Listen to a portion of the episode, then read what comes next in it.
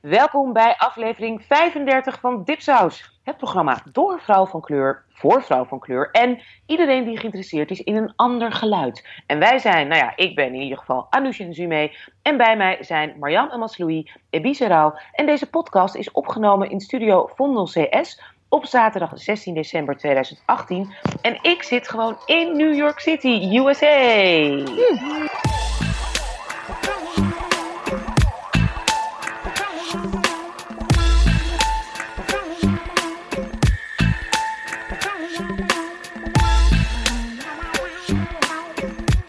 Vergeet je niet te abonneren via dipsaus.org. Daar zie je de relevante links naar iTunes, Spotify, Stitcher en Overcast.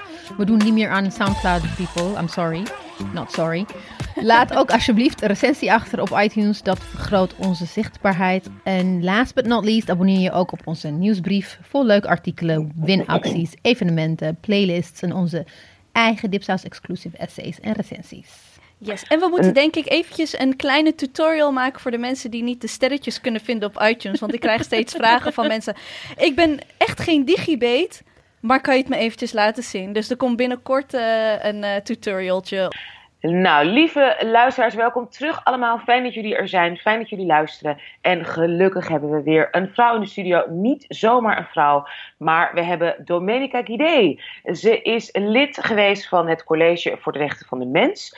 Ze is eh, lid van de Raad van Advies voor ProDemos, Huis voor Democratie en Rechtsstaat. Lid van de selectiecommissies, Commissie Rechtelijke Macht. Voorzitter van de African Diaspora Policy Center. En Domenica heeft zelf ook een nou, prachtig, ja, mooi, intens verhaal. Ze is als 17-jarige gevlucht uit Eritrea naar Nederland. Nou, daarover gaan we natuurlijk ook hebben. Over werk, over carrière, over alles. Maar ten eerste, welkom bij Dipsaus, Domenica. Dankjewel, dankjewel.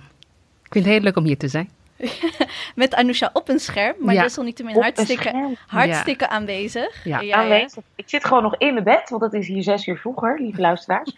dus uh, ik, ik ben er helemaal gezellig bij. En um, Domenica, ken je Dipsaus? Heb je wel eens geluisterd? Ja. Jee, leuk. Ja, leuk.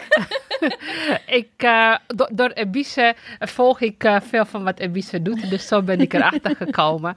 En uh, ik heb ook het programma, het interview, het gesprek gevolgd met Nancy Jouwen. Ja. Ook een dierbare prachtmens. En verschillende anderen. En ook van Saada en nog een andere ook. Ja. En van um, Steve McQueen.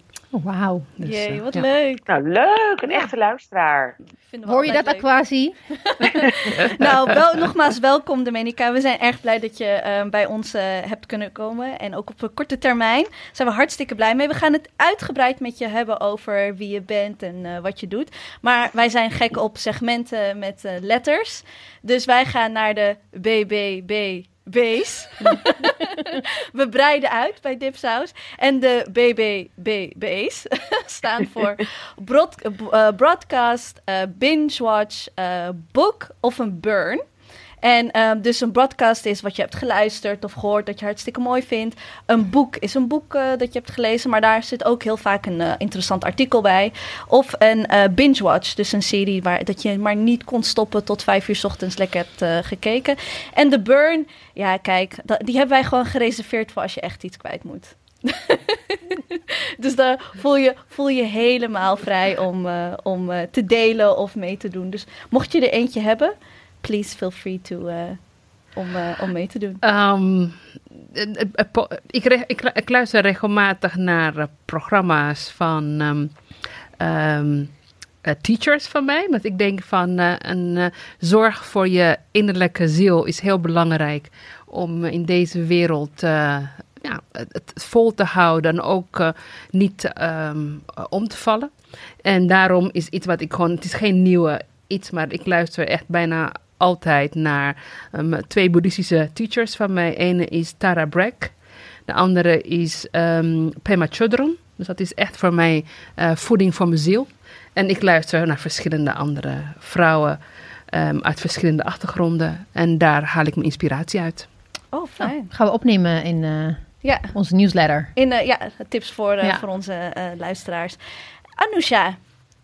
Begin maar. Begint Moet ik maar. beginnen? Ja, jij mag beginnen. Oké, okay. Ja, nou, ik heb een, een burn, wat voor mij vroeger eigenlijk een binge was. En eh, dat is namelijk, eh, ik heb gisteren, ik heb, eh, nou, ik heb twee dochters van eh 15 en 11. En ehm, ik heb een, ja, een soort pleegstiefdochter. Dat is een hele lieve, dierbare vriendin van mijn jongste dochter. En die is 12 en die is nu bij ons op bezoek in New York. Dus dat is echt ontzettend gezellig. Die is hier een hele maand, heeft extra vrijgekregen van school om lang bij ons te blijven. En nou, die doet dan s ochtends lief huiswerk en die help ik. En nou, gisteren was eh, slecht weer in New York. We hebben natuurlijk al wat uitstapjes gemaakt. We dachten, nou, we gaan lekker even binnen zitten en lekker bingen, lekker iets kijken. En toen wilden de meisjes eh, Sex in the City kijken, de film uit 2008. En ik dacht nog even, nou, 11 en 12 zit natuurlijk toch een in. Maar ja, we gaan gewoon proberen. Want hè, waarom vind het wel normaal als kinderen naar schieten en zo kijken? En inderdaad, eh, hè, bij Walt Disney films eh, altijd dieren die doodgaan. En waarom dan niet naar seks? En dan kunnen we het er ook over hebben, dacht ik. Dus we gaan gewoon kijken. En wat gebeurt er? Nou, het seks, de seks was nog echt het minste probleem. Maar ik was in shock van hoe mega onfeministisch die film eigenlijk is. Hoe dat er zoveel is veranderd in tien jaar. Dat ik in 2008 nog kon denken van, nou ja, een beetje problematisch. Maar goed, het gaat over die vriendschap tussen die vrouwen. Dacht ik nu alleen maar, hou op. Ga weg. hou je mond. Wat zijn jullie irritant. En wat haten jullie jezelf en andere vrouwen. Want nou, het is zo problematisch. Ten eerste, dat, het is dus het verhaal Sex and the City van vier vriendinnen. Uh, Samantha, dat is een beetje de wat oudere vrouw die seksueel heel erg vrij is. Dan heb je Miranda, zij is de carrièrevrouw die een beetje hè, uptight lijkt en hard werkt. Zij is getrouwd en heeft een kind. Dan heb je Charlotte, dat is een beetje de conservatieve lieve schat. Die is nu ook eindelijk gelukkig getrouwd, heeft een kindje geadopteerd en raakt nu eindelijk ook zelf zelf zwanger. En dan heb je Carrie, de hoofdpersoon. Die zit eigenlijk al tien jaar lang achter dezelfde vent aan en eindelijk wil hij nu met haar trouwen. Na tien jaar, hè? Dus je dus moet knoppen. nou, zij plant een soort hysterische bruiloft, terwijl hij al honderd keer laat merken van ik wil niet zo'n grote bruiloft, ik ben al twee keer getrouwd geweest. Kunnen we niet iets kleins doen? Nee, zij gaat over de top. Vogue is erbij, weet ik veel. en spoiler alert, die film is tien jaar oud, dus sorry. Hij komt gewoon niet opdagen op die bruiloft. Hij laat haar gewoon zitten terwijl zij trouwt. Ik weet niet waar wat voor kerk of volgens mij de Metropolitan Museum. Hysterisch. Nou, dan denk je goed, oké, nu is ze eindelijk klaar met die man. En ze gaat met haar vriendinnen op de huwelijksreis die ze hadden geboekt. Die vriendinnen boeken gewoon bij, want ze zijn allemaal hartstikke rijk. Dat kan allemaal. Oh ja, en ze zit in Mexico gewoon waanzinnig in een soort hotelsuite. Nou, weet je, ik zou niet eens meer naar buiten willen als ik daar zat. En cocktails en geld uitgeven, geweldig. Maar zij is natuurlijk hartstikke depressief en ongelukkig. Maar Miranda, haar man, is dus vreemd gegaan. Want oh, ze heeft een kind en ze werkt. En nou, dat is voor die man genoeg reden om vreemd te gaan. Want ze hebben dus kennelijk niet genoeg seks. En die vriendinnen hebben niet zoiets van fuck hem en je moet bij hem weg. Maar die hebben zoiets van, nou ja, hij heeft toch gezegd dat hij er spijt van heeft. Oei. Met andere woorden, dol, hij heeft nu al drie maanden een beetje geboet. Vergeef hem nou gewoon. Dat je ook denkt, nee, vergeef hem nou, uh, hallo. Nou, voor de rest is het ook nog eens mega seksistisch, hè? zeg maar geïnternaliseerd seksisme. Want Miranda, die heeft zich dan niet gewaxt of zo, dus je ziet daar wat zitten. Nou, daar doen die meiden over alsof ze, ik weet niet wat voor ze doet. gewoon, weet je, dat je denkt, kom op. En um, er zitten ook echt letterlijk, weet je, zo net alsof ze gewoon poep in de broek heeft. Zo vies vinden ze haar dat ze gewoon een beetje haar Oh. heeft. Ja, echt, wordt helemaal geshamed. Echt zo hahaha uitlachen. En er zit ook echt een poep in mijn broek grap in. Dat je ook denkt van, oh, kom op. En um, op een gegeven moment Samantha, die seksueel zeg maar liberated vrouw, die is dan geloof ik 6 kilo aangekomen. Nou, daar doen ze ook moeilijk over. Dat ze echt helemaal aankijken van, alsof ze gewoon letterlijk gewoon een kind aan het slaan is. Weet je, dat, dat, die proporties. Heftig. Ja, ik was echt helemaal in shock. En er zit één zwarte vrouw in, want we hadden heel veel kritiek gekregen dat de serie op tv, want het was zeven jaar lang, was compleet wit. Zat één keer een zwarte vrouw in, omdat Samantha het met haar broer deed, een zwarte man. Wat ook een hele problematische aflevering is. Ja. Dus nu denken ze van, nou, weet je wat, we doen er een zwarte vrouw in, want dan komt het goed. Paniek. En dat is, ja, dat is dan de personal assistant van Carrie, de hoofdpersoon, die dus haar leven voor haar op orde brengt. Want deze miljonair, die haar eigen huis gewoon weer terugkoopt naar de mislukte bruiloft, die kan dus niet zelf haar huis weer inrichten. Want oh, ze heeft zo'n liefdesverdriet. Oh. En dan heeft ze dus een personal assistant die niet met haar aan het werk gaat over de nieuwe boek, over de carrière, over artikelen moet schrijven. Nee, de dozen en de post en de mail en mijn computer. Seriously. En dat speelt dus Jennifer Houston, een hele geweldige zangeres, in een soort, oh, nou nog net niet, oh yes master, yes master-achtige rol. En het enige wat ze wil is trouwen, liefde en een Louis Vuitton tas. Oké. Ja, ik, ja, na 40 minuten zeg ik meiden, alsjeblieft, dit is niet hoe de wereld in elkaar zit. Maar jullie hebben hem niet afgekeken? We hebben er wel afgekeken, want mijn dochter had zelfs iets. Ja, mam, dat weten we. Wat is dit een bullshit film? Echt serieus. Oh ja? Oh, gelukkig. Dus ik was heel trots op ze. Ik hoefde niks uit te leggen. Ik hoefde er geen, eh, eh, ehm, eh, weet je, feministische schrijvers of iets bij te halen. Ehm, Er hoeft er eh, geen seminar georganiseerd te worden. Nee, nee, we hoefden niet dingen te googlen of even gewoon naar YouTube te gaan. Ze snapte gelukkig hoe problematisch het was. En we hebben eigenlijk die film gewoon uitgelachen. Heel Oh, mooi. Nice. Jeetje, ik ken Sex in the City echt alleen als ehm, dat mijn zus het wel eens keek en dat het een soort van sexual liberation eh, serie was of zo. Maar verder heb ik het echt. Verder zal ik. Ja, eh, kijk, aan de ene kant zit er sexual liberation in. Aan de andere kant gaat het alleen maar over, krijg ik die vent? Want Ja. letterlijk, Mm. zeven seizoenen zit de hoofdpersoon met de voice-over... zit gewoon letterlijk zeven seizoenen, dat is dan geloof ik tien jaar, achter die man aan. Ja. Achter die Von waar ze dan dus Ja, uiteindelijk... Ja. Die echt, die ongeluk, dat je echt denkt, joh, dump hem. Hij vindt je Ja. gewoon oké, maar niet leuk. Ja. Dus bye-bye. Maar gelukkig, de nieuwe generatie, die, die, heeft het, die, heeft- die hebben het meteen door, toch? Oh, die hadden allemaal, alle drie Oh, zoiets. Oh, please. Oh, Oké, oké. Jeetje. Ja.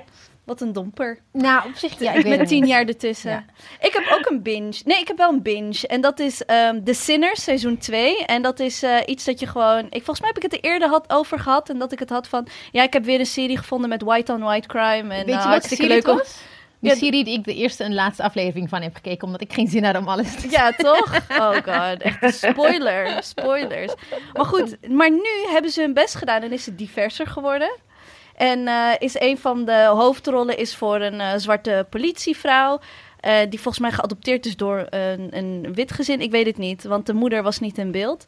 En, ehm, nou, en het, is, het, is, het gaat over een jongetje en die is dan 14. En op zich is het wel gewoon een standaard crime, ehm, secte, dark serie.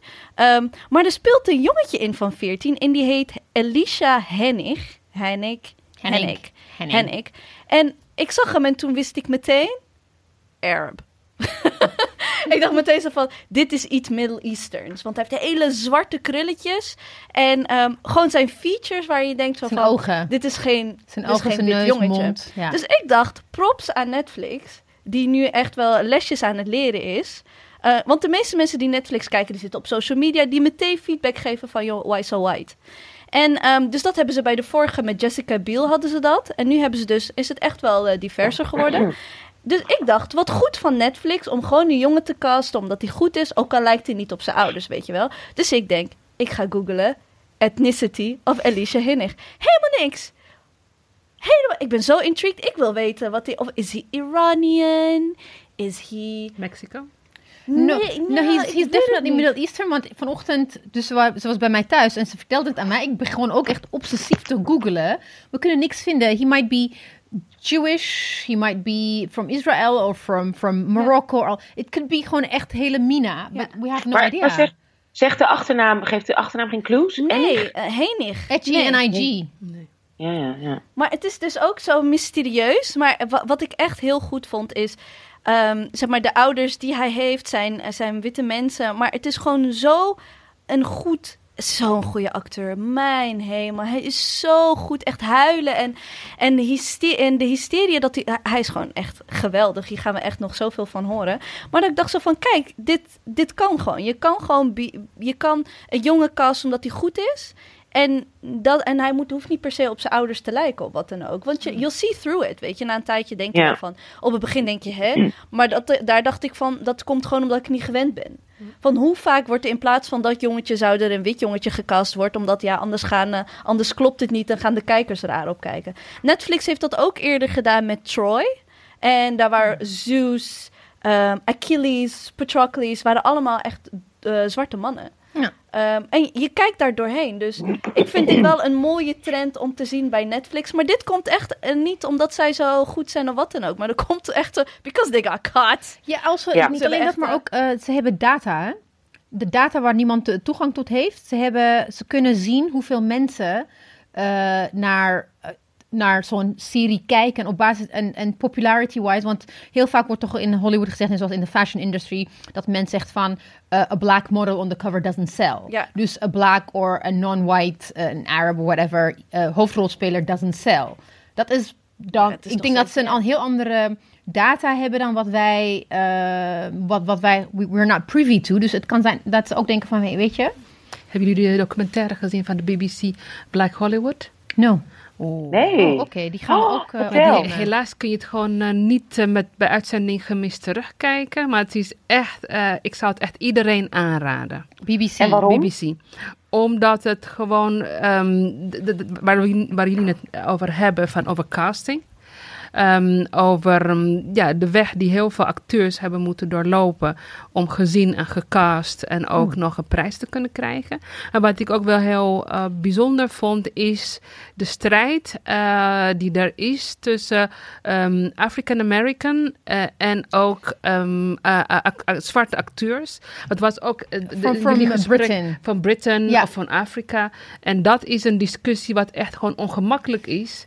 En dat was ook een beetje wat Steve McQueen in jullie gesprek ook hier naar voren bracht. Toen dacht ik, hé, hey, ehm, dat Oh, was echt een heel, ja. het is echt een, een aanrader. Oké, die Het, gaan is we... een, eh, een- Oh. het zijn drie uitzendingen. En eh, nou, echt, het zou zo goed zijn als ergens eh, nou, te zien zou zijn. Ja, misschien via illegal VP VPN dingen. Ik ga wel even kijken of we het kunnen. Alright, en dankjewel, volgt het, volgt het uit. Ik heb ook een B, maar het is geen boek. Het is een long read. De Ehm, B van Long Read. De B van long read. B, B, B, B, L.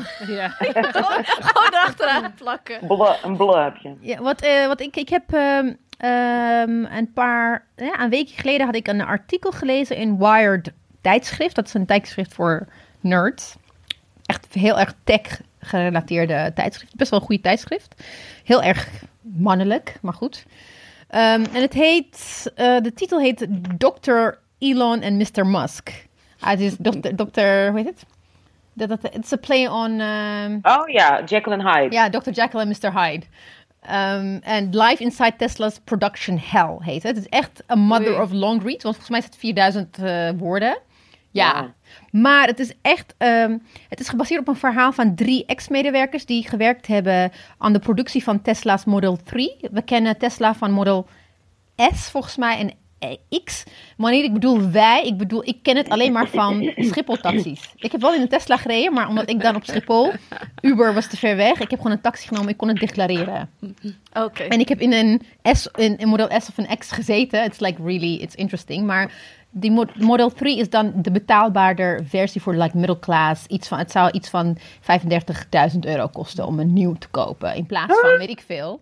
Is dat middelklas? Middelklaas? Dat is wat ze zeggen. Dus met Ja. andere woorden, ik heb geen idee hoeveel een Model S of een X kost. Ik heb geen idee. 50 waarschijnlijk. Ja, or even 60 maybe. Yes, maybe. Ja. Maar eh en dat model, eh, de production, er is heel veel eh, te doen geweest de afgelopen anderhalf jaar. Want Tesla, because it's a luxury good in de eerste instantie, ze, ze produceerde maar iets van 2000 per jaar of zo. Maar Model 3 wilde hij 5000 per maand gaan produceren. En eh, hij had een, een heel grote eh, factory geopend. Het heet Gigafactory. En daar zou alles eh, ergens, I don't know, in Amerika natuurlijk. Oh, Oké. En ehm, daar zou. En heel veel dingen zouden automated worden, dus minder mens. Maar het ging van alles en nog wat ging mis. Dus de afgelopen anderhalf jaar heeft, heeft Tesla echt heel veel negatief in de publiciteit gestaan. Los van zijn eigen idiosyncrasies. Maar dat, dat artikel gaat er dus, het is een soort van overview van wat er allemaal de afgelopen jaren is gebeurd. Maar ook echt een insider story van drie mensen die daar gewerkt hebben. En hoe hij, eh, hij is gewoon een tiran. Hij loopt gewoon binnen. Ja. En dan gaat hij tegen mensen schreeuwen. Hij zegt, jij hebt het, het is automated, maar hij just een engineer. Laat hij gewoon naar binnen. Gaat hij hem helemaal vol uitschelden. Pa- Pack your bags and get out of here and don't come back. Weet je, dat soort completely, echt van die, net zoals ik, the people say that of uh, Steve Jobs as well. Dat hij ook gewoon een heel nare leider was. Uh, en zo ook, uh, en, en, en- maar het verschil met, um, met Elon is like, Elon is ook de afgelopen jaar, uh, afgelopen jaar heel vaak in het nieuws geweest, omdat hij op Twitter gewoon ruzie zoekt met mensen. Uh, hij heeft met, hoe heet ze? Uh, Azealia Banks. Azealia Banks was bij hem thuis geweest en ze heeft gewoon dingen stiekem ge... Net zoals Oma Rosa heeft ze gewoon... Ze heeft En, dingen opgenomen. Ze, ze, even voor de luisteraars, ze is een Amerikaanse ja, rapper, hè, I performer. love her, in a way. En een ruziezoeker. Zij, Ja, ze is hè, een zij ruziezoeker. Ze is echt een maakt met ruziezoeker. iedereen ruzie. En ehm, ze, dus hij, hij he smokes a lot of, he was, he was on a lot of drugs. He was tripping. En hij had heel veel dingen gezegd die eigenlijk niet mogen. Ja. Want eh, het is een eh, beursgenoteerd bedrijf. Dus je kan niet dingen roepen die de... Oh, die de beurs kunnen beïnvloeden. Ja, dus hij had dingen geroepen en ze heeft het gewoon allemaal op Instagram. Oh mijn Zo, god. zo is gewoon Instagram live aan het. Dus en hij is heel veel in het nieuws geweest. Dus Ja. het is een soort achtergrond. achtergrond eh, it's kind of like a page turner. Dus ik zou het echt iedereen aanraden om of het uit te printen en echt de tijd voor te nemen. Om deze. eh, Want Tesla te is toch supposed to be this um, environment... Electro, electric. Goed voor de Ja. environment, maar niet goed Ja. voor mensen blijkbaar. En hij is ook Nee. bezig met, want zijn grote droom is naar de maan. Dus hij Ja. doet dit weer allemaal om naar de maan, om de eerste privé Ja. eh, commercial flight naar de maan te regelen. Hij is Dus ook dat, daar is, maar hij is rijk geworden door PayPal. Hij heeft dat, ik haat dat betalingssysteem. Kennen jullie dat PayPal? ik Ja, ik, ik heb het vandaag Oh, gebruikt. dat, heeft, dat is dus leuk, hebben we dankzij hem. Dat heeft hij dus bedacht. Maar, Ebice, om dan, als je het nog sappiger wil, zijn ex-vrouw heeft ook een long read of een tell-all, volgens mij zelfs een boek geschreven. Want die kent hem nog uit de universiteit. En zij waren twee universiteit, weet je, van die fijne nerds op Harvard of weet ik veel, een van de topuniversiteit. Eh volgens mij komen ze allebei uit Canada, zij ook, van die soort Nee, nee, nee. college Hij, hij is, he's actually South African. He's white South African. Oh ja, hij is, South gaan studeren in Canada. Ja, en daar heeft hij haar ontmoet. En ze waren een beetje nerdy, weet je, college sweethearts. En zij heeft dus prachtig omschreven hoe hij door het succes steeds meer een soort enge Hollywood geobsedeerde, ook zichzelf opererende man werd. En haar dus ook steeds meer wilde laten passen in dat plaatje. Aha. Dus zij schrijft hoe zij in tien jaar tijd eh, vijf kinderen heeft gekregen. 10 kilo, 15 kilo moest afvallen. Zijn haar blondeerde, dure kleren moest dragen. Terwijl zij is ook een tech-nerd. En dat ze opeens aan 15 jaar dacht, wie de hel ben ik? En toen heeft hij haar ook nog eens verlaten van Hollywood-actrice. Terwijl ze hebben ook een kind verloren, weet ik veel. Nou, dat is mega interessant. Om dus die weg naar succes en de prijs ervan. En wat het dus ook doet met, ja, met een vrouw die ook hoogopgeleid is. Ja. eh, zeg maar doet. Nou, ik ga het ook Ik dat even er gewoon een les is voor veel mensen. Ik denk dat we vergeten hoe wij onszelf gewoon verkopen. Dat doen we allemaal. Eh, Ja. Hoog of laag. En dat is gewoon ook in het kader van bewustwording heel belangrijk. Ja. En gek genoeg dat soort verhalen trekken. En, ehm, en, en je kan daar verslaafd aan raken. Ja. Terwijl de vraag is, wat is de les en hoe kun je Ja, dan precies, verder? ja.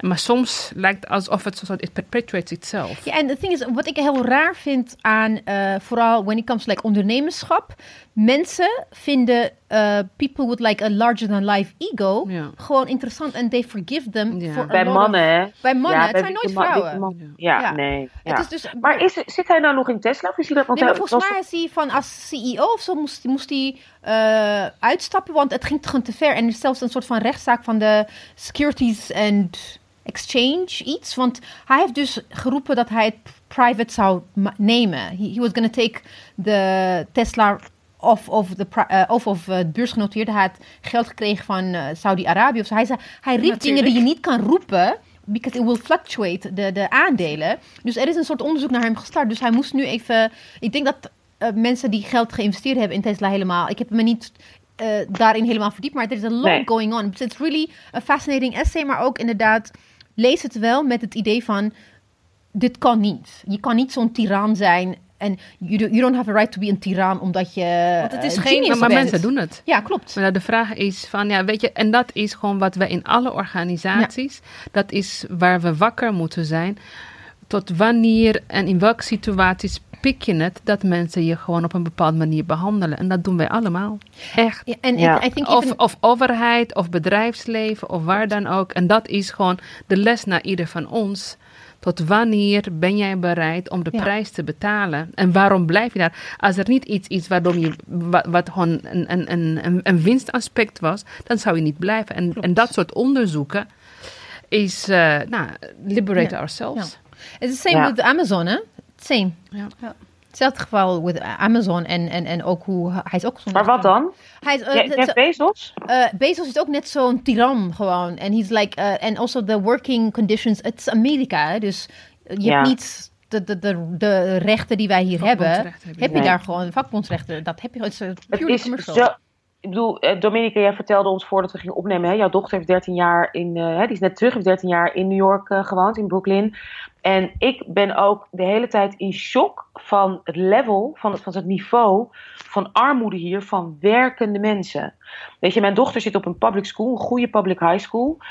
met name zwarte en Latijns-Amerikaanse kinderen zitten er. Latin en black children. Met allemaal werkende ouders, maar allemaal arm. En dat is echt bizar dat mensen dus zo hard werken, twee baantjes hebben, sommigen zelfs drie baantjes, twee keer in de week dit, daar en daar oppassen. En dan staan ze ook nog in een winkel of werken ze deels in een, in een fabriek of weet ik veel, zoals met night shifts. En de lonen zijn zo verschrikkelijk laag dat je het gewoon niet redt. Zelfs twee werkende ouders met een minimuminkomen, nou, redden het gewoon niet. Ja. Het, het, zeg maar, het inkomensverschil en rijkdomverschil is groot. Het is echt uh, shocking ja. om te en zien. Er is ook geen sociale vangnet. Nee. Totaal niet. Een sociale vangnet ver, ver, vereist solidariteit. En uh, nou, dat is ook een beetje ver te zoeken. Maar ik denk, ja, ik denk dat het ook goed is om naar onszelf te kijken. Hoe dat gewoon hier is. Ik denk dat gewoon heel veel uh, gedachten over solidariteit ook min of meer hier ook wegvalt. Iets wat in het verleden veel vanzelfsprekender was. En wat, en, en, hoe, en wat kan je, kan je daar een voorbeeld van geven van iets wat jij heel, heel duidelijk eh, concreet hebt gezien of gemerkt in jouw werk bijvoorbeeld of in je leven? Nou, het, is, is, groot. Ik denk dat gewoon uh, heel veel uh, regelingen die we in Nederland hebben, uh, de verzorgingsstaat, is gebaseerd op de gedachte van solidariteit. En gebaseerd op de gedachte van wanneer je het moeilijk hebt, dan zijn we er voor elkaar om voor elkaar te zorgen.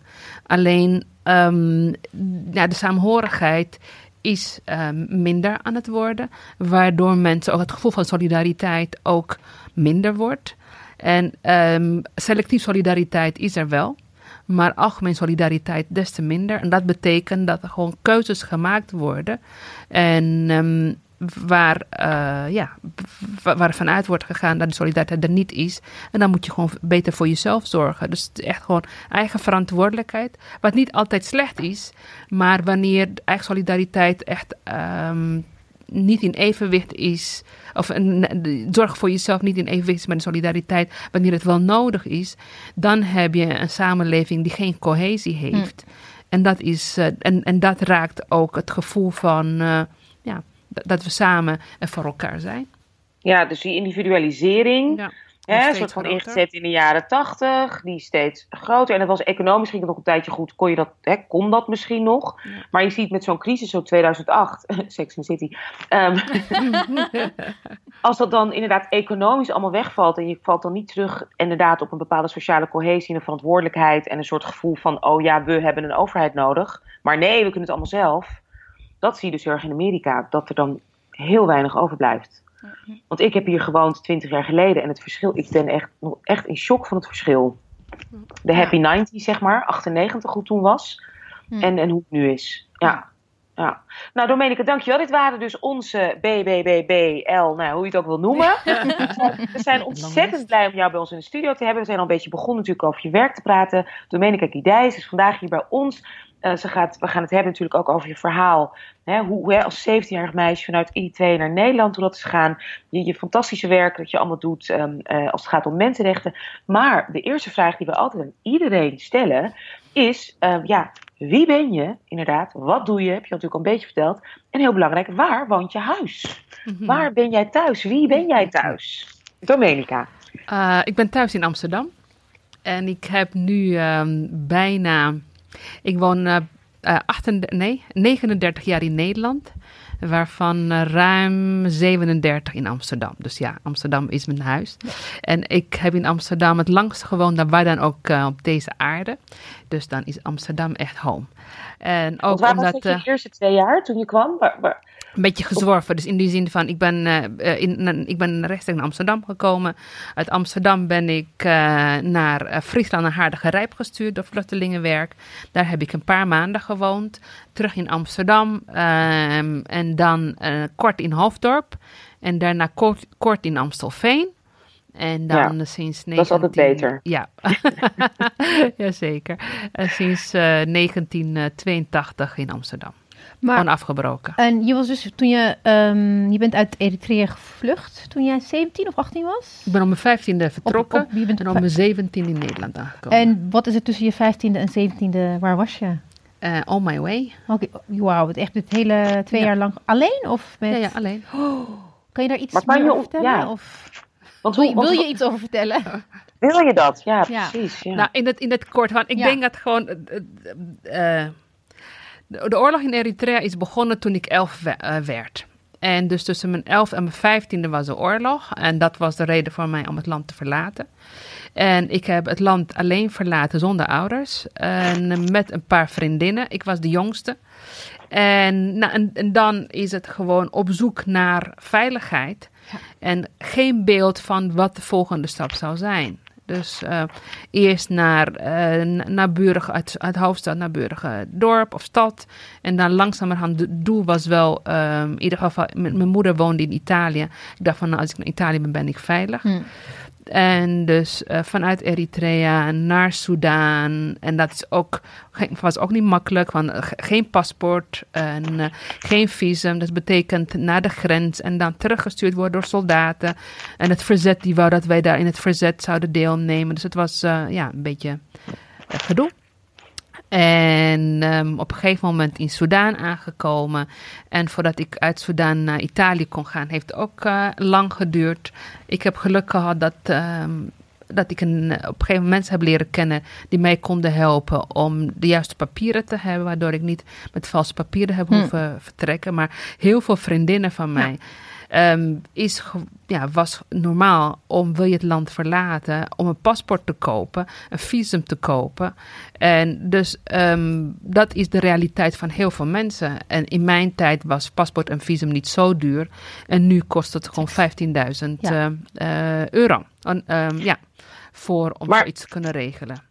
Maar je moet gewoon inderdaad, ik wil niet, hè, we willen zeker niet over grenzen nee. stappen. Dus als je dingen niet wil vertellen of zegt, dan voel ik me niet comfortabel bij. Maar ook voor luisteraars juist en ook onze witte luisteraars om een beeld te krijgen. Want wat, wat, wat je vaak leest in de media is, oh ze is van daar en daar hier en hier gekomen. En dan zit ze lekker, ik zeg maar wat, hè, in Friesland en uh, wordt alles voor de geregeld. Dus juist die twee jaar en dat verhaal ervoor is, is denk ik zo interessant en belangrijk voor luisteraars om te horen. Want 15 jaar, ik bedoel, daar, dat is mijn dochters leeftijd. Ja. En dan stel je voor, zij met een paar vriendinnen hier uit New York van 17, 18 beginnen gewoon ja, te lopen. Dus toch letterlijk. Ja. Dus je ging gewoon met vriendinnen van jullie plek naar de volgende plek. Ja. Maar hoe, gewoon, waar slaap je? Hoe kan je daar iets over zeggen hoe het überhaupt was om te overleven? Hoe kom je aan geld? Hoe kom je aan eten? Hoe, wat je wil vertellen. Geld had ik van huis uit meegenomen. Dus dat, ik, ik, ik heb altijd op een, uh, in een kostschool en een privéschool gezeten. Dus ik had geld. En um, dus ik had wel een, een, goede basis van huis uit gekregen. Dat was mijn basis. En ik dacht van, nou, hier moet ik gewoon weg. En je moeder was al in Italië en je vader, ja, broer, was net overleden. Ja. Dus ik heb net mijn vader begraven en twee dagen later ben ik weggegaan.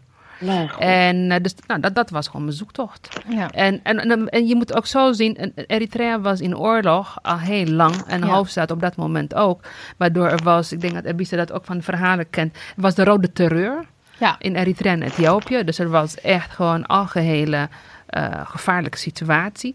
Waardoor gebombardeerd wordt, geschoten, mensen geëxecuteerd. Er worden gewoon ook, ja, dus echt alle um, verschrikkingen van een oorlog heb ik meegemaakt. Dat is ook de uh, tijd dat mijn vader ook weg is gegaan uit Ethiopië. Ja, ja. Hij is ook via Sudan, Italië en dan uiteindelijk dus zo, zo heb ik ook je vader leren kennen. precies. Daar hebben we het nu niet over. Maar, maar dus het is echt, dat is gewoon wat, wat, ik gewoon in die zin van de, de generatie van, je, van je vader ben met wie we een gemeenschappelijk verleden ja. hebben. Dus dat is de situatie. En, um, ja, en de situatie dwingt mensen om uh, in beweging te zijn, te vluchten. Sommigen die zijn, die worden deel van het verzet. Ik ben niet verzetstrijder geworden, een paar vriendinnen van mij wel. Sommigen hebben het overleefd en sommigen zijn gesneuveld. Dus dat is gewoon ons verhaal. En dat is wat je achter je laat om op zoek te gaan naar wat wij denken vrijheid. Maar echt een duidelijk beeld van wat vrijheid is en dat soort dingen heb had ik gewoon niet. Was meer van vluchten van de oorlogssituatie is de drijfveer. En uh, dus op die manier is Soudaan aangekomen. En op dat moment was er, wil je gewoon verder gaan. En ehm, dan was er van oké, naar sommige landen, naar Arabische landen zijn heel veel mensen gegaan. Naar uh, Beirut zijn heel veel mensen gegaan destijds. Ehm, en naar bijvoorbeeld, als je een Ethiopisch paspoort had, kon je zonder visum of een heel makkelijk visum, kon je naar Duitsland gaan. Dus er waren echt heel veel routes destijds. Ik moet denken, het is 1979, echt gewoon ages ago. Ja.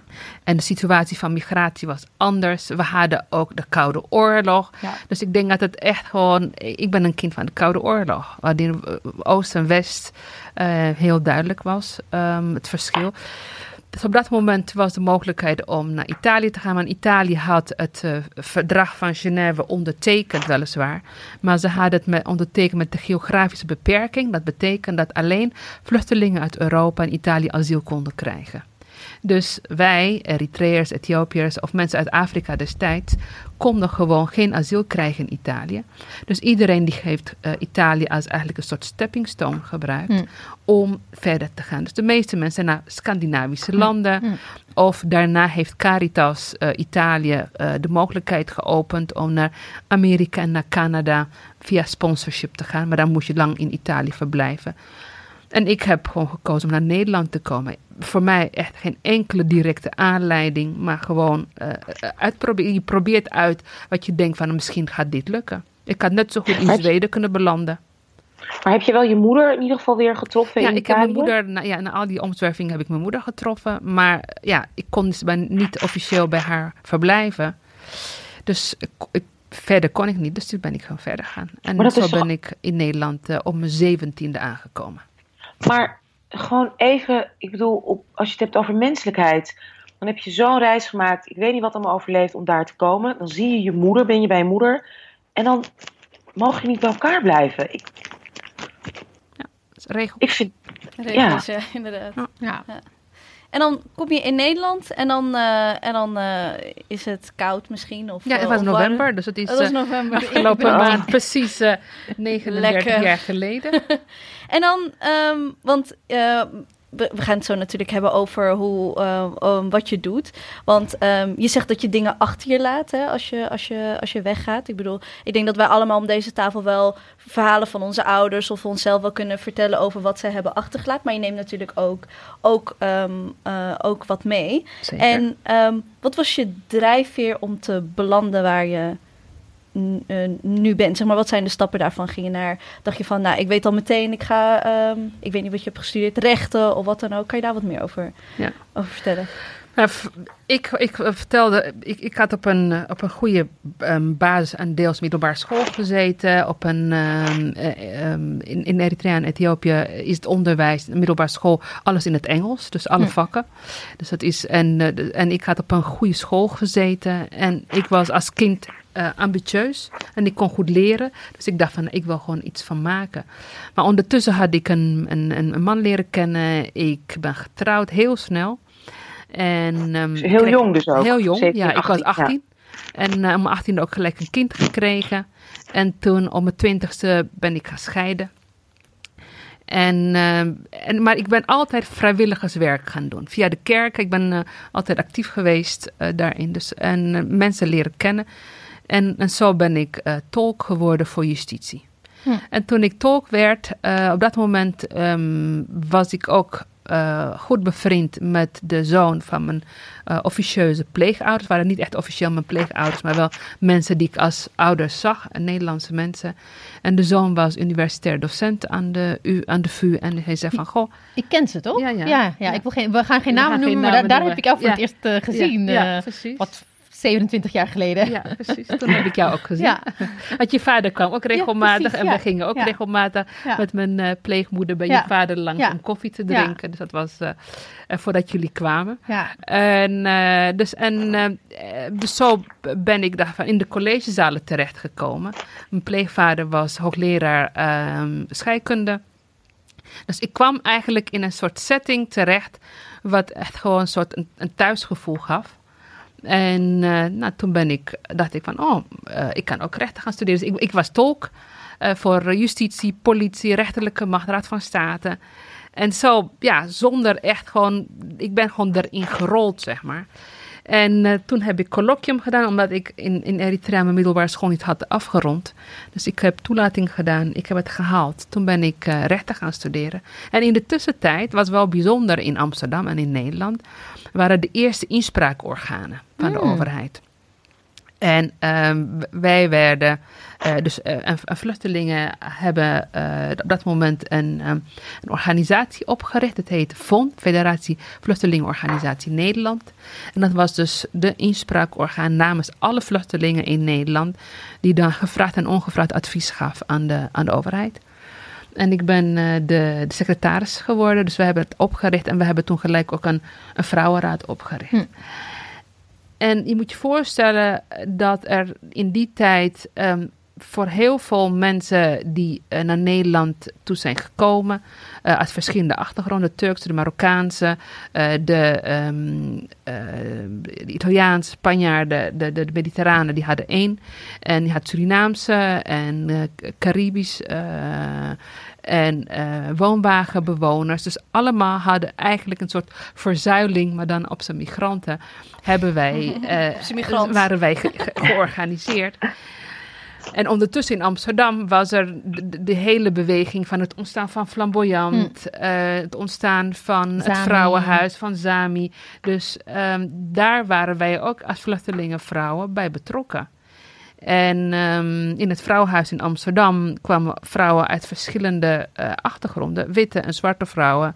Um, ook lesbische vrouwen, waardoor je ook echt de onderling solidariteit in die tijd gewoon hm. uh, groot was omdat je op zoek was naar wat je gezamenlijk kan doen en wat je kan binden. Hm. Dus zo ben ik rechten gaan studeren. Dus samen de Fond van Vrouwenraad mede opgericht. En daarna een paar uh, Afrikaan diaspora organisatie opgericht. En uh, ja, zo te werk gegaan. En toen mijn studie afgemaakt. En ben ik um, ja, ja, verschillende dingen gedaan. Uiteindelijk ben ik uh, lid geworden van de Commissie Gelijke Behandeling. Mm -hmm. En daarna het College voor de Rechten van de Mens. En um, ik ben uh, um, korte tijd rechterplaatsvervanger geweest. En um, nu, nadat ik mijn termijn van 12 jaar uh, achter de rug heb van uh, Commissie Gelijke Behandeling, College voor de Rechten van de Mens, zit ik namens Nederland bij ECRI. ECRI is de European mm. Commission Against Racism and Intolerance. Hm. En daarnaast zit ik in het geschillencommissie onderwijs. Ik ben de vicevoorzitter. En dat zijn conflicten over, uh, van ouders en kinderen bij de toelating en verwijdering van kinderen uh, in het uh, primair en voortgezet onderwijs. Oh, is een beetje wow. in een nutshell so. wat ik doe. Geweldig. Heel goed. Dus in, in, a, in, a, in a way, it's really good to know you then. it's nice knowing you. So I don't know. I hope so. ja, want je zegt, een paar, je zegt een paar keer wel... Ik, ik hoor je vaak het woord solidariteit uh, horen zeggen. Is dat ja. iets dat...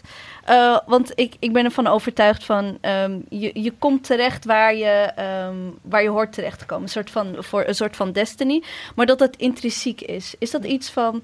Ik kan me voorstellen dat, um, dat je een affiniteit tijd iets hebt of dat je je herkent in andere misschien uh, vluchtelingverhalen die je hoort of in de afgelopen jaar dat je denkt van omdat het herkenbaar is wil ik me daarin uh, uh, voor inzetten.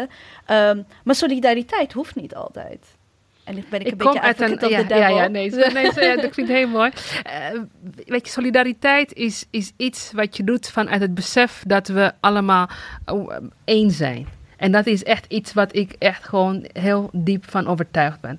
Ik ben opgegroeid in een stad waarin mensen uit verschillende godsdienstige achtergronden samenleven. Um, zoals jullie weten, Eritrea is een land aan de Rode Zee. -hmm. Wij zijn een gemengde volk. We hebben Arabisch, we hebben Afrikaans, we hebben van alles uh, in onszelf. Um, en door migratie en vluchtelingenschap heb ik altijd het geluk gehad dat ik mensen tegenkwam die mij niet kende, maar die wel een, een duur en een hart voor mij open hebben hm. gedaan. En dat is iets wat ik, ik sta open en ik ben bereikbaar en beschikbaar en ik neem mijn verantwoordelijkheid. En ik zie dat solidariteit en verantwoordelijkheid als twee belangrijke aspecten om eh, waar dan ook een plek te kunnen vinden. En een plek maak je.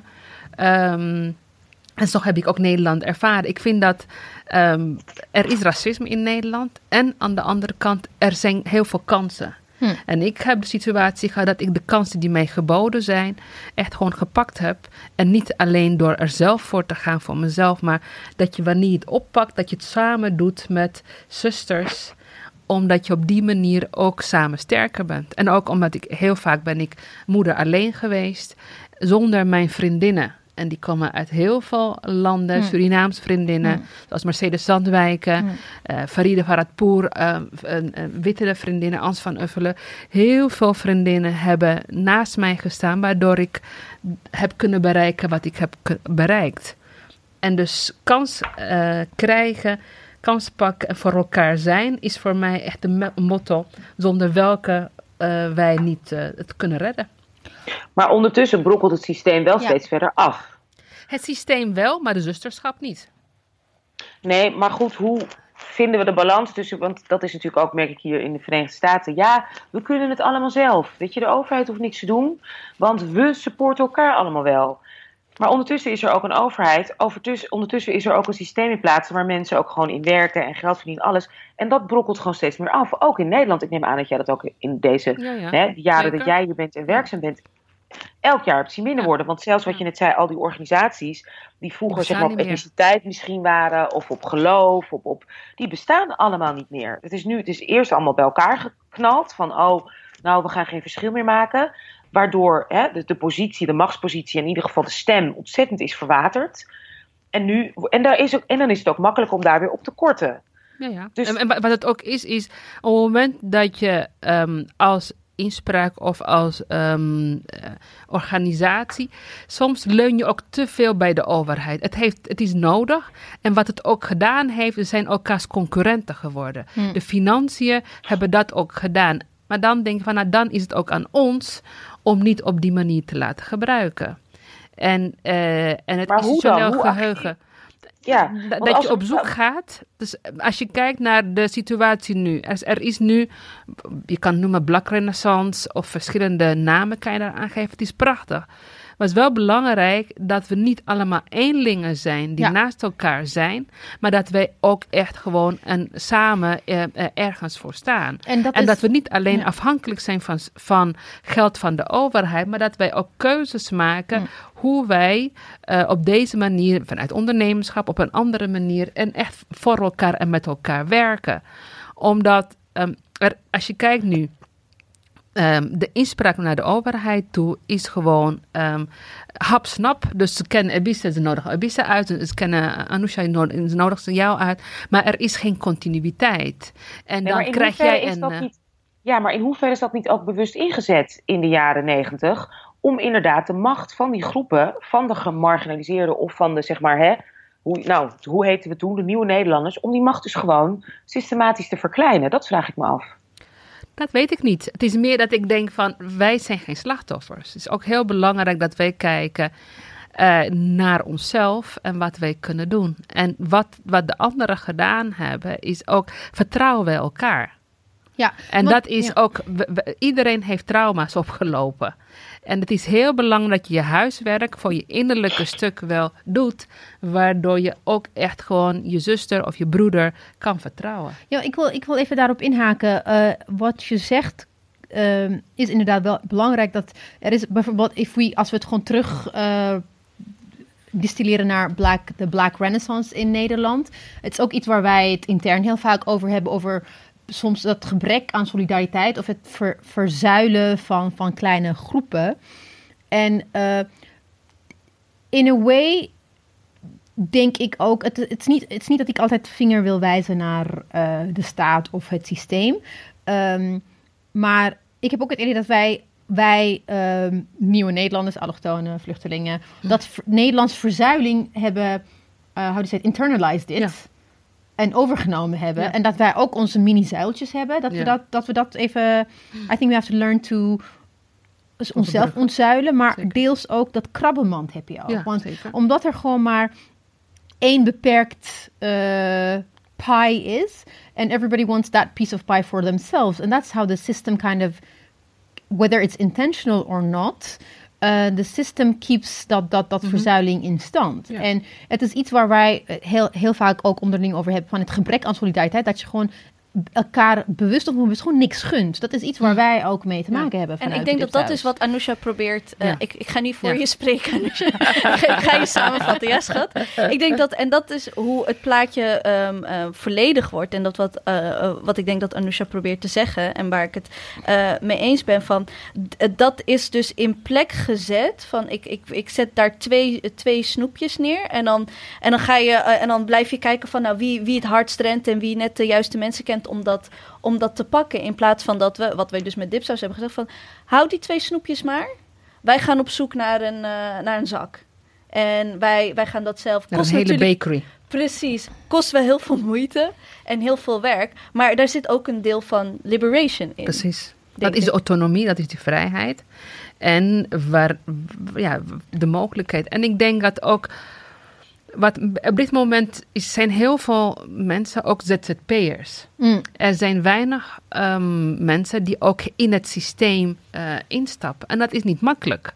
Ik zeg niet dat het gewoon in het systeem stappen een, een makkelijk iets is. En niet iedereen wil dat, kan dat. Maar het is wel belangrijk om ons ook, ja, het, het is ook erin stappen. En Mhm. ook van binnenuit werken en een plek verwerven en groeien. Omdat op het Ja. moment dat de overheid Ja. nu zegt van we hebben diversiteitsbeleid en we willen je kansen geven. Op het moment dat je vacature wil verspreiden naar je kennissen en vrienden. Er is ehm, de, de, de jaren ervaring die vereist zijn, zijn er niet. En, en, en dat is wel belangrijk dat wij dat beseffen en, ehm, en dat we dat ook Ja, doen. wa- Wat niet betekent Ja. dat er geen racisme is. Dat is er zeker. Tegelijkertijd, er waarom is er- iets ja. anders. Ik ben het met je eens, maar ook kijken waarom er geen ervaring is. Ik weet dat in de overheid in de jaren negentig hadden ze een soort ding en dat noemden ze de pareltjes. Gingen ze juist jonge allochtone mensen, of mensen van weet ik veel, biculturele, hoe je het wil noemen, afkomst, een kans geven in de overheid. Want hè, dat moest inderdaad veranderen, de happy 90s, meer kleur, meer diversiteit. En wat is er met die mensen gebeurd? Daar is ontzettend weinig onderzoek naar gedaan. Maar wat ik weet van mijn hè, contacten met de overheid, waar ik ook wel eens projecten of dingen heb gedaan, is dat die mensen bijna, geen van die mensen heeft hele grote stappen gezet in carrière. Ja. Terwijl ze daar wel allemaal werken. Ja. Dus als je kijkt naar mensen die zeg maar in 98, 99, 2000 aan het werk gingen bij de overheid. Hoe kan het dat van die, nou, laten we zeggen, hè, 100 mensen, dat daar niet op zijn minst vijf mensen nu directeur ergens zijn geworden Ja. van een afdeling. Of in een hele hoge functie terecht, Ja. of minister. Ja. Dat, is niet, dat kan niet alleen liggen aan gebrek, van, gebrek aan talent. Of bla, Nee, bla, nee, nee, nee. Dat kan, dat kan gewoon Talent is er, eh, eh, er is geen gebrek aan talent. Exact, dus daar is, moet... wat nodig is, is wel strategie. Ja. Is nodig dat, dat je werkt aan jezelf, omdat het zou niet altijd makkelijk zijn. Je hebt Nee, maar echt ik gewoon... vind ook dat de overheid een verantwoordelijkheid daarin heeft om ook te kijken naar hun eigen impliciete Ja, vooroordelen. Zeker. Want hoe kan het dat je bij bepaalde mensen. Het is, het is heel interessant. Er is nu in Amerika ontzettend veel ophef over de, eh de aannameprocedure van Harvard. Ja. Omdat zij nemen. eh, ze he- en alleen eigenlijk omdat ze een soort hele strenge regel hebben. dat zoveel mensen van biculturele afkomst moeten zijn. is het African Americans gelukt om daartussen te komen. Ja. Maar het is voor Aziatische mensen wordt het steeds lastiger. Terwijl ze zeg maar academisch mega goed scoren. En daar is nu, hè, de Aziatische gemeenschap heeft allerlei onderzoeken ingesteld. Die hebben daar gewoon geld in gestopt om uit te zoeken hoe kan dat nou. En wat blijkt? Er is dus een heel groot deel, een belangrijk deel van, dus naast al je cijfers en je cv, je moet ik weet niet wat hebben gedaan, is er ook een interviewdeel. Dat zeker. ontzettend belangrijk is. Dat door Harvard alumni wordt afgenomen. Ja. Door echte Harvard mensen. Een generatie die bijna allemaal wit is. Allemaal witte, heteroseksuele mannen. Ja. Die interviewen dan jonge Aziatische en African-American kandidaten. En die kijken naar, ben je een go-getter? Ben je enthousiast? Ben je spontaan? Ben, heb je die Harvard spirit? En African-Americans scoren daar beter op. Want die zijn, hè, ik ga nu even generaliseren. Die, zijn, die kennen de cultuur. Hè, die hebben meer de westerse Codes, ja. slag, de code, snappen ze. Maar vaak bij de Aziatische codes gaat dat dus tussen aanhalingstekens mis. Ja. Nou, dat en dat Dat gebeurt hebben we ook overal. Daarom Hebben heb we je ook bij de, Nederland bij de hebben we ook ja. altijd. Niet alleen bij de overheid, bij de universiteit. Kijk eens, alle Ja. universiteiten hebben nu een diversity officer. They're all white. En, en ja, en, en, eh, en tegelijkertijd is het de manier waarop ze dat aan het veranderen zijn. De ene universiteit gaat veel harder in en is ook inhoudelijk bezig. En de andere veel minder. Dus er is daar zoveel nog te doen. Dus ik zeg, dus dat, dat, het zijn parallele processen die noodzakelijk zijn. En wat wij kunnen doen, ik kijk naar, dus er zijn dingen waar wij de, de anderen uh, op aanspreken. Dus in die zin van, als, je, als er sprake is van discriminatie, meld dat. Echt, waardoor je ook laat zien wat er is. Uh, zorg ervoor dat je um, um, met in gesprek met de overheid, met het bedrijfsleven, om de um, zeg maar intrinsieke bias en in de sollicitatiecommissie en ook in het profiel, welk profiel heb je nodig? Op het moment dat je zegt van we willen mensen uit verschillende achtergronden, is het een kleur die je wilt? Of wil je daadwerkelijk in gesprek omdat je de kwaliteit ziet mm. en de relevantie ervan? Want dan heb je een hele andere houding. Dan denk je, als ik jou niet heb, dan mis ik gewoon iets wat ik nodig heb voor de toekomst. Weet je, al dat soort dingen. En, dat is het derde aspect, aan onszelf. En dat is waar ik ook, omdat het gewoon dit programma van um, vrouw van kleur en ook um, door en met is, dat we ook zelf ook iets kunnen doen. En dat stuk is één, is solidariteit. Tweede is werken aan jezelf. Want het is echt op het moment dat je zelf niet stevig kan staan. En ook niet door je trauma gaat. En ook um, kan luisteren en ook strategisch te werk gaat dat dat ook moeilijk maakt dat je gewoon onver geblazen gaat worden. En dat stuk huiswerk is ook iets wat wij uh, kunnen doen. Dus het is niet of, of, maar het is allemaal en, en, en. en. Ja, ja, ja, ja.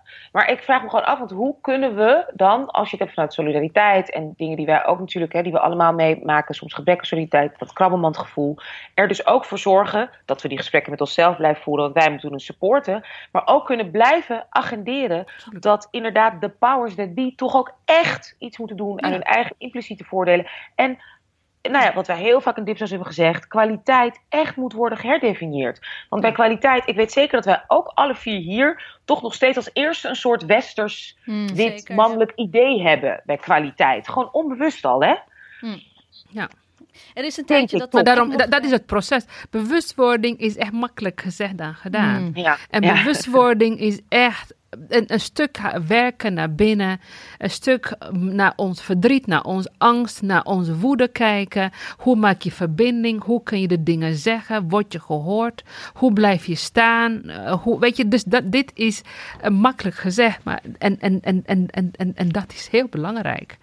Uh, ja. En aanspreken, omdat op het moment dat je een positie hebt, spreek je vanuit positie, waardoor die andere ook hoort. Omdat wij allen, wij in Nederland, hebben allen baat bij wanneer de potentie aan kwaliteit die we hebben ook daadwerkelijk benut wordt. Het is echt voor ons allen een winst. Ja, ik, ik, moest, ik moet denken aan toen ik um, bij, een, ja, bij uh, een leuk... Ja, ga ik zijn naam noemen? Nee. Hmm. Uh, die deden discriminatie en zo. En die deden interactieve dingen voor... Uh, over heel vaak discriminatie. Niet het woord racisme en dat soort dingen. Over plagenpest en zo. Het is, was, ik was de enige persoon van kleur daar. Ja. En, en toen vroegen ze mij van... Ja, we willen, we willen stagiaires van kleur. En toen zei ik... Nou, dat is hartstikke makkelijk. Geef me maar die cv's. Nou, ik kreeg die cv's en dan doe je gewoon al het wit weg. Ja.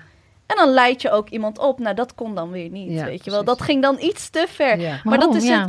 Dus ik, ik pas me altijd wel op als mensen... Want zij zeiden ook van... Ja, we hebben er allemaal baat bij als wij, um, als wij meer kleur krijgen. Toen zei ik, nou, dat ligt eraan.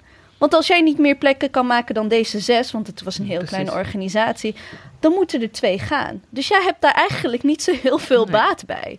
En dat is wat ik denk, wat ze heel vaak vergeten bij diversiteit.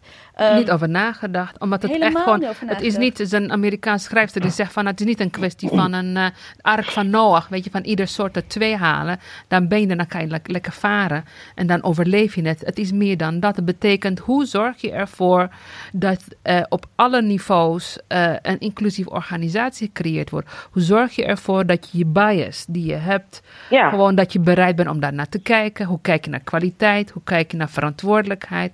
En dat is iets wat niet um, zomaar ergens uh, op een bepaald niveau binnenkomt, maar van, van top-down moet die overtuiging zijn en ook de bereidheid nou, zijn. En een verandering. Om te, dus. Ja, precies. om daaraan te werken. Cultuurprocesverandering, ja, juist ook bij, bij, de top. En dat is wat eigenlijk tot nu toe niet, niet gebeurd. Dus bewustzijn is er niet dat dat nodig is. Men denkt Nee. alleen maar binnenhalen is voldoende. Ja, En, die mensen moeten zich Ja, aanpassen. Ja, precies. in plaats van, wacht even, wij moeten ook ons denkkader aanpassen. Ja. Omdat de Want mensen die er zijn, Het hebben er ook zelf ja. last van. In die zin van, Nederland is ook niet echt een mono... eh, eh, culturele, zeg maar, eh, ook de witte Nederlandse cultuur. Er heb je daarin heel veel verschillen in eh, klassen, ehm, ehm, opleidingsniveau, manier van leren, noem maar op. Dus er zijn ook heel veel mensen die op hun tenen lopen, die baat bij hebben wanneer ze een inclusieve organisatie zouden hebben. Dus dat soort dingen duidelijk maken heel, heel belangrijk is. En die solidariteit, wanneer dat niet is, de anderen ook elkaar ook aanspreken. Ja. En ook aanspreken op een bepaalde manier waardoor het ook gehoord wordt. Ja. Ik, wil echt, ik wil het eventjes eh, hebben over eh, nu. I mean, we, we leven in, in het Westen, niet alleen het Westen, eigenlijk gewoon mondiaal. In rechtse tijden, ik noem ik maar zo, ik chargeer even. En vooral in Europa. I mean, Ja. like, the right is ruling. In US, in, in Nederland. En nu ook het kabinet Rutte 3, toch inmiddels? Ik hou het niet meer bij. Ik wacht tot hij Ja. gewoon weg is. En dan ga je pas even opletten. Heb ik Oh, ik had Rutte laatst per Infinity. ongeluk. Ik had laatst per ongeluk. Was dat met jou? Had ik, was Mark Rutte op zo'n eh, Facebook plaatje of zo. En toen druk ik weet niet wat ik drukte. En toen hoorde ik zijn stem. Want ik ontwijk alles Ja, wat maar met die man te maken. meer. En toen hoorde ik hem zijn stem. En het ging om- om zijn arm of zo. Dat hij was gevallen. En dan kon hij niet handen schudden of zo. Ja, ja, nu geef ik een box. Nou, ik was er gewoon helemaal. Mijn hele dag was ik een beetje onwel. ja, Waarom dan? ik vind het, ik vind het gewoon zo'n nare man. Ik heb hem één keer in het echt gezien, omdat mijn zwager toen net, eh, dat is eh, mijn zus importbruid, die, eh, en toen wilde hij heel graag naar Binnenhof of buiten. Is het nou Binnenhof of Buitenhof? Binnenhof, Nou, Binnenhof. Binnenhof. Ja, binnen- Buitenhof is programma. Ja. Daar is mijn eerste blunder al. Ja. Ding, ding, ding, ding. Ja, nee. En, en toen kwamen we hem tegen. En toen zei mijn zwager, oh, oh, op de foto op, met de president. Zei ik, nou nee. En toen zei hij, "Hè, waarom niet? Dat is toch die toffe, nee. eh, die op de fiets en bla, bla, bla. Toen zei ik, nee. Nee, nee, nee, nee, nee. Ja, ja, ja. Nee, Maar om even terug te komen... Maar weet je, dit, dit Ja. is personal. En dat is oké. Maar tegelijkertijd is, please, verlies je tijd niet aan dit soort dingen. De vraag is, in de situatie krijgt heel veel met macht te maken. Ja. En hoe ga je daarmee om? Don't take it personal. En de vraag Mhm. is, hoe kan je strategisch verder? Weet je, wij willen ook macht. Hoe ga je met Ja. macht om? En, Ja. en dat is heel belangrijk dat wij ook in onze macht staan, zitten en de macht pakken zonder zelf ook tiran te zijn. Want wat macht ook doet, is Ja, dat je Ja. gewoon klopt. zelf tiran wordt. En hoe zorg je ervoor dat die ethische waarden die je hebt, leeft en niet doet wat de anderen doen, die jij ook verafschuwt. En dat Ja. vraagt echt moreel besef en bewustzijn. En leiderschap. En Maar dat is zo leiderschap. mooi, want het- ja, want dat is letterlijk wat Ebisse vertelde over Elon Musk. Of ook inderdaad, als je het hebt over Steve, eh, Steve Jobs. Die letterlijk allebei, dus inderdaad, hè, Elon Musk zo'n nerd en zo'n heel intellectueel. eh, Steve Jobs geadopteerd, eh, ook Hm. gewoon een ander soort denker. Hoe ze dus in die macht zijn gezogen. Hm.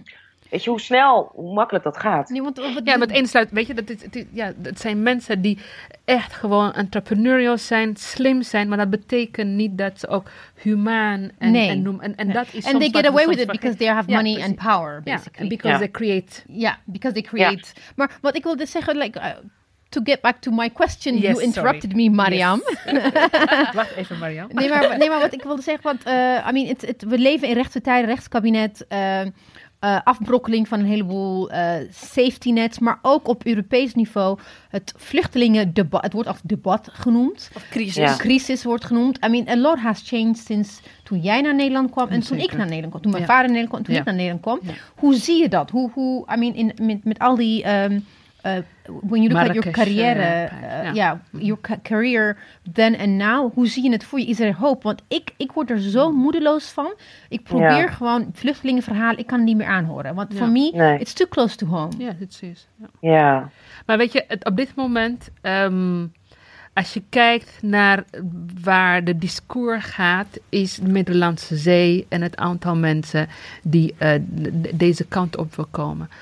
Ehm, terwijl de migratie die stilletjes binnen Europa gebeurt, vele en vele malen groter is. En dat wordt niet geproblematiseerd. Dus je, ziet dat er gewoon een misinformatie is over de grootte van het probleem. En ehm, ik ben bang dat, dat de oplossing niet zo 1, 2, 3 bereikt wordt. De vluchtelingenvraagstuk, zoals, ehm, ja, als je kijkt van, van, van zuid naar noord, is een gemengde beweging. In de zin van deels refugees en Hmm. deel um, migrants. En, en, ehm, en, je, en we hebben eigenlijk geen enkel systeem die in staat is, en dat is gewoon een fictie, ehm, om het echt het onderscheid te maken wie zijn de zogenaamde echte vluchtelingen en wie niet. Omdat je, wil je één op één iemand in de ogen aankijken en snappen wat er aan de hand is. Er is zo een verschrikkelijke ehm, situatie geweest. Maar wil je, ben je bereid als Europa, als, als eh, landen eh, op een andere manier te kijken? De bereidheid is op dit moment er niet. Hm. Dus ik ben bang dat ik daar geen oplossing voor heb. Maar ik denk wel dat ehm, de oplossing die nu bedacht worden met Afrikaanse landen en, en afspraken maken, zodat er gewoon in Afrika perspectief komt. Natuurlijk is heel fijn dat er in landen perspectief is. Maar net zoals wij en onze kinderen, en ik denk dat jullie ook, net zoals jij Anoush ook nu in, in Amerika bent, de, de vrijheid om te bewegen is iets wat we allemaal willen. Het gek Ja. is dat we dat niet de anderen gunnen. En, Ja. het is, en dat is de moeilijkheid. En er, er, ze hebben heel veel mensen, ehm, ook wetenschappelijk bewezen, dat op het moment dat je de grenzen dicht doet, mensen veel statischer worden in hun beweging. Terwijl wanneer je de grenzen openmaakt en de mogelijkheid om te bewegen aanwezig is, mensen niet bang zijn en daardoor ook eh, circular migration zal zijn en ook mogelijkheid om voor kortere tijd er te zijn. Maar dat En vertrouwen is er gaan, niet. Ja, ja. precies. Dat heen Nee, en weer, ja. dat is dat circulation. Ja. En dat is gewoon wat nu niet gebeurt. En wat ik me dus afvraag, dat je, hebt, je, bent, je was 12 jaar lid van het College voor de Rechten van de Mens. Eh, Nederland heeft regelmatig, when it comes to like, vluchtelingen en migratie, bepaalde wetten, eh, gewoon Europese wetten ook, gewoon aan hun laarzen gelapt. Eh, hoe control, wie controleert de Nederlandse overheid? Of, of Nou, eh, je kan bijvoorbeeld, eh, ja, je, hebt gewoon, je moet gewoon procedure voeren. En dit soort procedures zijn vaak bij, het, eh, bij het Hof in, in Straatsburg. ja. Wanneer om mensenrechten schendingen gaan. En daar wordt gewoon het een en ander ook uitgelegd. Hoe je naar de situatie, naar deze rechten kan kijken. Dus er zijn verschillende uitspraken geweest door de jaren heen. maar is het en te handhaven? Boetes. En toch, weet je, dat is wat Nee, ik heel het- het is- frustrerend vind. Ja, de, de asielprocedure is een hele moeilijke procedure. Omdat het, ehm, ja, weet je, je vertelt je verhaal in een korte tijd en daarna. Soms weet je niet wat relevant is om te vertellen. Soms vertel je bepaalde aspecten niet, omdat ehm, de verhalen van mensen niet passen in hoe de regels zijn, waardoor mensen de situatie gedwongen worden om eh, iets te verzwijgen. En dan kom je in eigenlijk een soort bijna Kafkiaanse situatie, waardoor je niet verder komt. Dus de procedure is op zichzelf problematisch. Alleen wat dan wel? Op het moment dat je een procedure hebt, betekent dat je accepteert dat er een, een positief of een negatieve antwoord komt. Ja. Maar wanneer een negatieve antwoord komt, zeg je ja, maar jullie, hebben tot, jullie zijn tot, zo'n besluit gekomen en daarbij hebben jullie geen rekening gehouden met feiten A, B, C. Ja. En daar heb je het ministerie en, en Amnesty, die hebben allemaal rapportage Ja. om te bewijzen. Dus ik denk dat in de tijd dat jouw vader en ik hier in Nederland kwamen, mensen soms 15 jaar aan het procederen waren. 15 Wauw. jaar in een limbo voordat je gewoon zekerheid kreeg over je bestaan.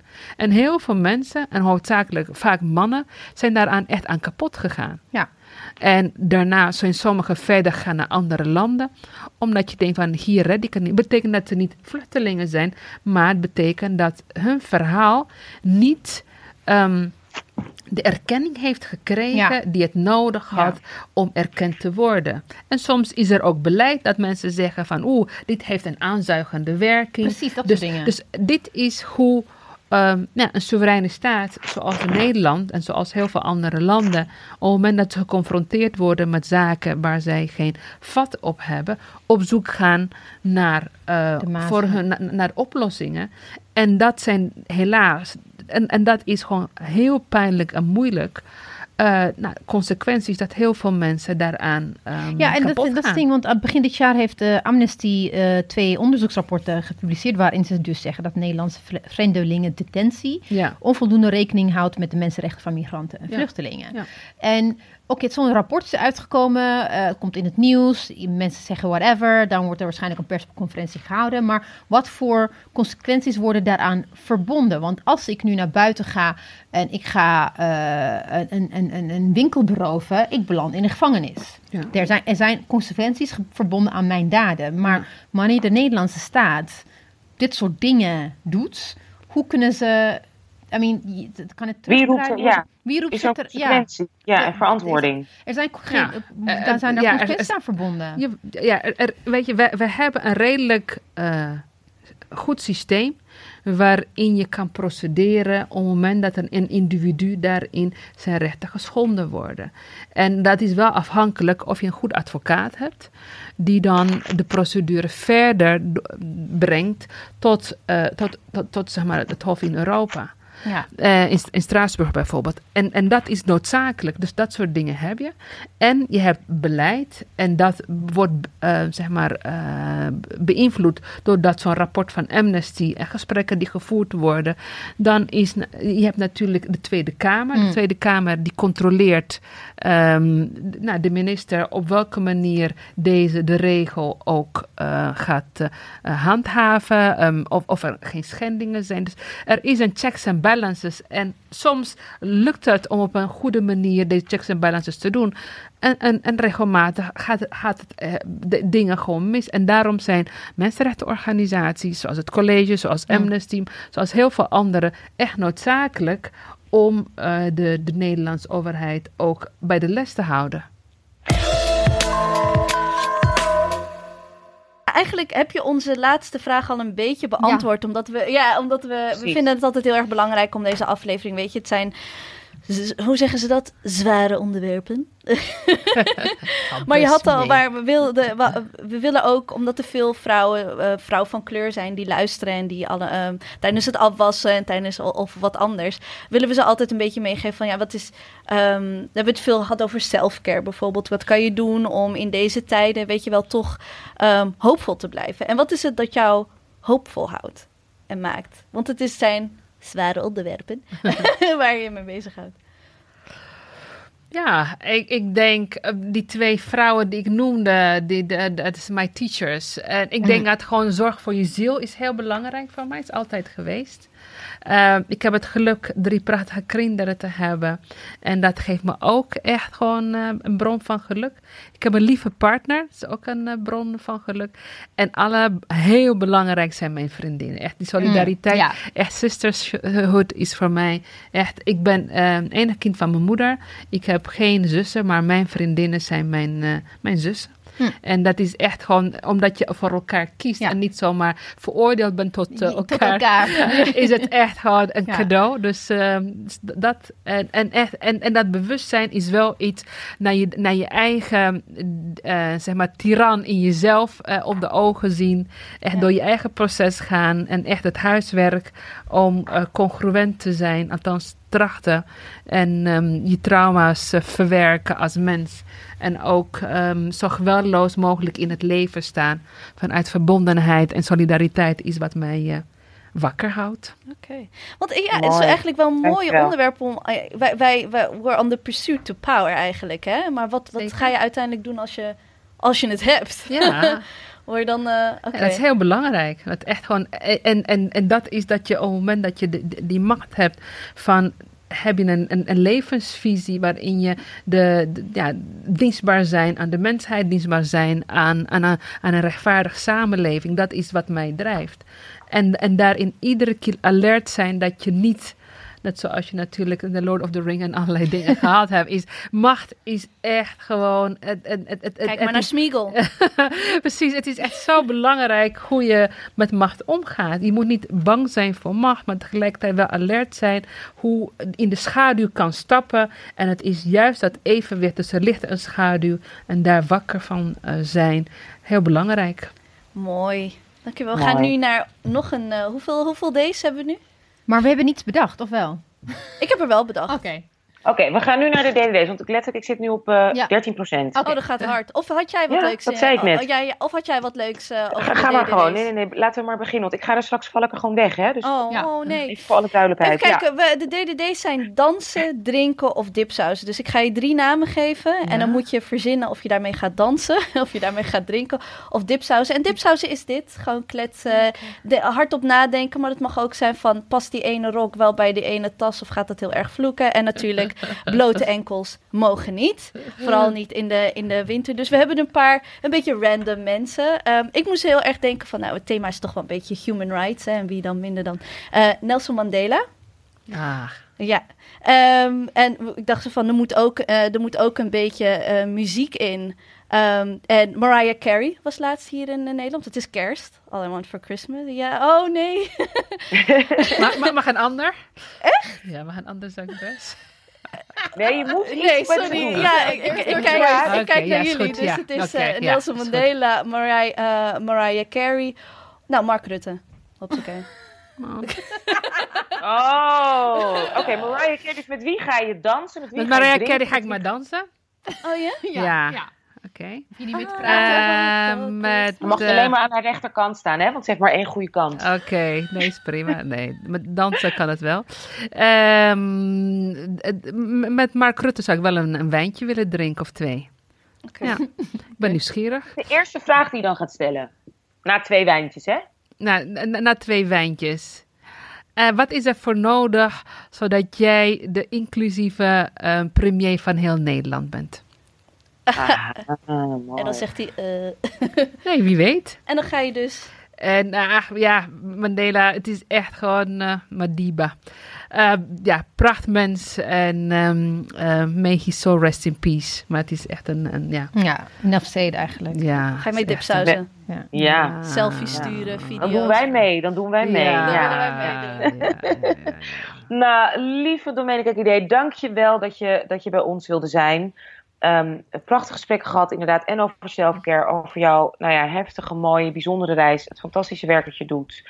En eh, bedankt ook voor de, voor, de, voor de mooie les over hè, die combinatie blijven zoeken tussen, oké, natuurlijk de buitenkant, maar ook je eigen binnenkant. En blijven samenwerken en, en die solidariteit. Het is echt, ja, helemaal mee eens. En precies wat we eigenlijk moesten horen dit weekend, volgens mij. Precies, Toch? ja, ja, ja. Dank jullie wel. Ik vond het heel Dank leuk wel. om met jullie in gesprek te zijn.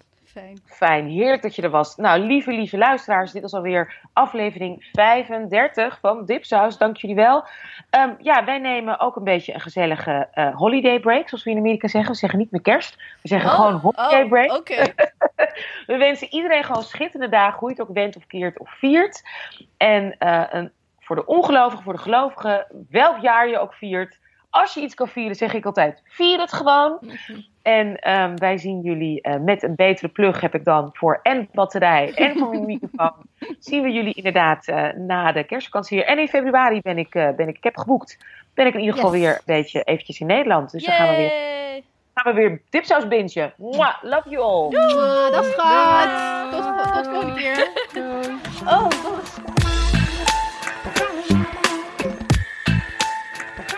Vergeet je niet te abonneren via dipsaus.org. Daar zie je de relevante links naar iTunes, Spotify, Stitcher. Laat ook alsjeblieft een recensie achter op iTunes. Dat vergroot namelijk onze zichtbaarheid. Laat vijf sterren achter. Of meer. Eh, oh, en last but not least, abonneer je ook op onze nieuwsbrief. Vol leuke artikelen, winacties, evenementen, playlists en onze eigen Dipsaus exclusives en essays over van alles en nog wat.